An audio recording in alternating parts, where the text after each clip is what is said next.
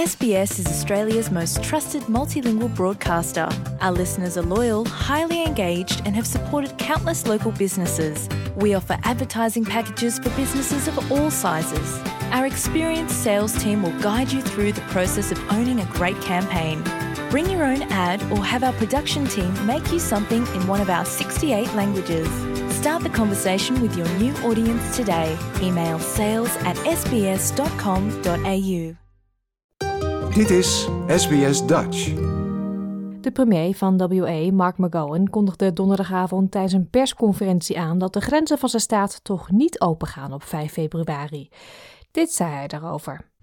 If we proceeded with the original plan, we would be deliberately seeding thousands upon thousands of COVID cases into WA at this point and at this point in time, that is not what I'm going to do.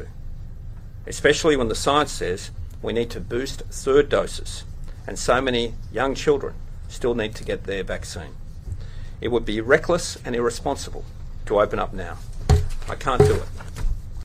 De premier is dus van mening dat Omicron een te groot risico met zich meebrengt en dat mensen eerst geboosterd moeten worden en dat ook te weinig kinderen gevaccineerd zijn om de grens te kunnen openen. Een nieuwe datum is nog niet genoemd. De aankondiging leidde tot gemengde reacties, ook onder Nederlanders die woonachtig zijn in WA. SBS Dutch op radio, online en op je mobiele telefoon. Alleen donderdag de boodschap van de premier. Hoe eh, heb jij dat eh, aangehoord? Ehm, in eerste instantie met grote woede. en daarna vooral met heel veel onmacht. Het voelt heel erg alsof we worden opgesloten. Ehm, het voelt bijna alsof we in een hele grote gevangenis zitten. En je hebt gewoon. Je kan er niks over zeggen, want het is niet alsof je naar een kantoor kan gaan en kan, kan gaan praten. Maar tegelijkertijd maakt hij zulke grote beslissingen over jouw leven. Ja, dat vind ik moeilijk. Mhm. Ja, want we hadden natuurlijk beloofd, hè, 5 februari, of aangekondigd 5 februari gaan het open. Had jij al tickets of zou er iemand naar jou toe komen? Ehm, mijn moeder zou tien dagen later aankomen.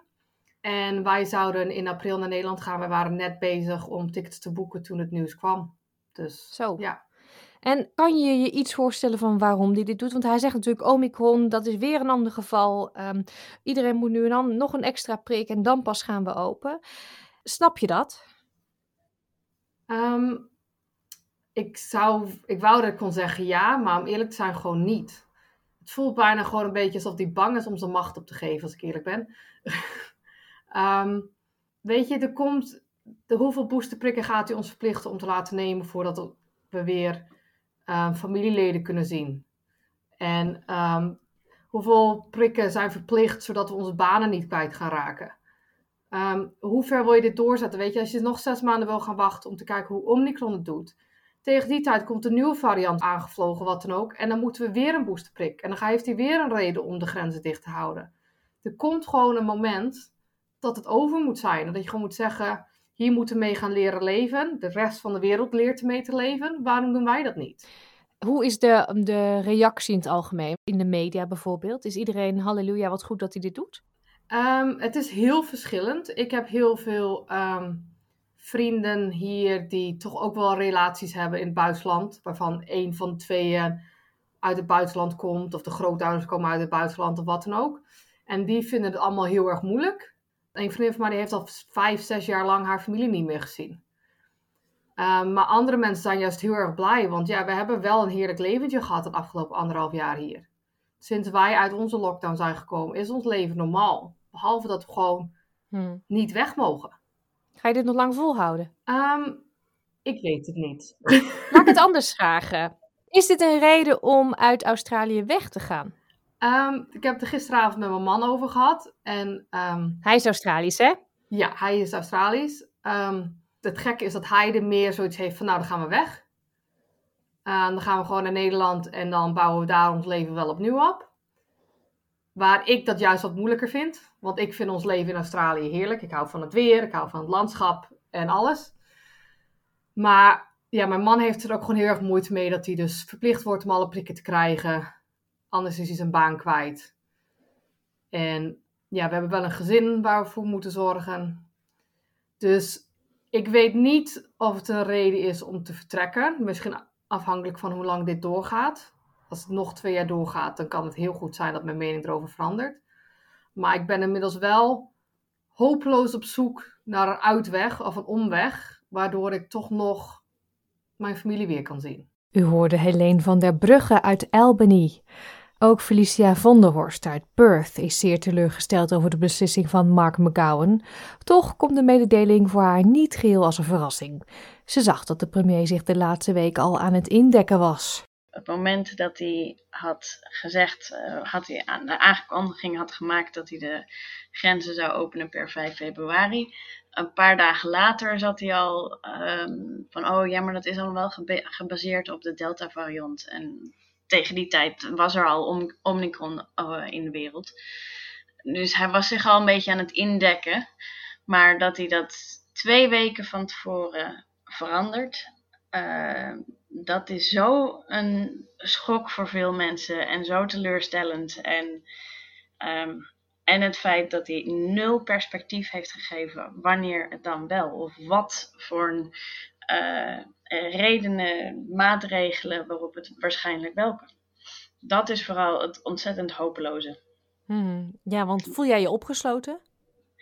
Um, ik voel me niet zozeer opgesloten als ik hier denk aan mijn leven. Het is heerlijk hier in deze babbel. Natuurlijk fantastisch. We kunnen doen en laten wat we willen. Alhoewel uh, dat deze week inderdaad wat anders is, al sinds kerst. Um, uh, maar het idee dat als er iets met mij gebeurt, mensen niet naar mij toe kunnen. En als er iets in Nederland gebeurt, als er iets in Sydney gebeurt, dat ik daar niet naartoe kan. Hmm. Dat idee is ja, alsof ik opgesloten ben. Richard Dessert heeft er nooit vertrouwen in gehad dat op 5 februari de grenzen zouden openen.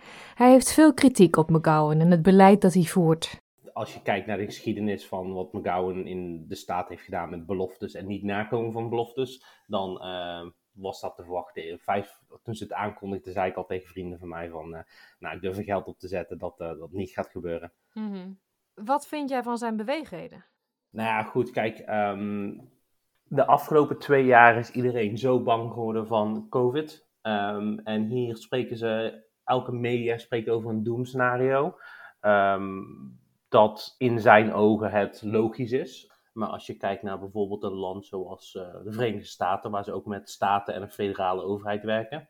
De staten die, uh, waar de leiders ballen hebben gehad, om het zo maar te zeggen, die staan er nu veruit het beste voor. Hmm. In Australië was het uh, New South Wales die als eerste zeg maar, zei van oké, we moeten hiervan af, we moeten verder. En het gaat inderdaad als gevolg hebben dat er mensen gaan overlijden en dat er mensen opgenomen worden. Nou, je weet het. Queensland was heel lang een beetje hetzelfde, het kleine zusje van WA. die zijn inmiddels om en die, die, die handelen het. Ik bedoel, de, de besmettingen zijn daar ook hoger dan ooit. Maar het lijkt alsof ze ermee om kunnen gaan. Hoe kijk jij daar dan naar?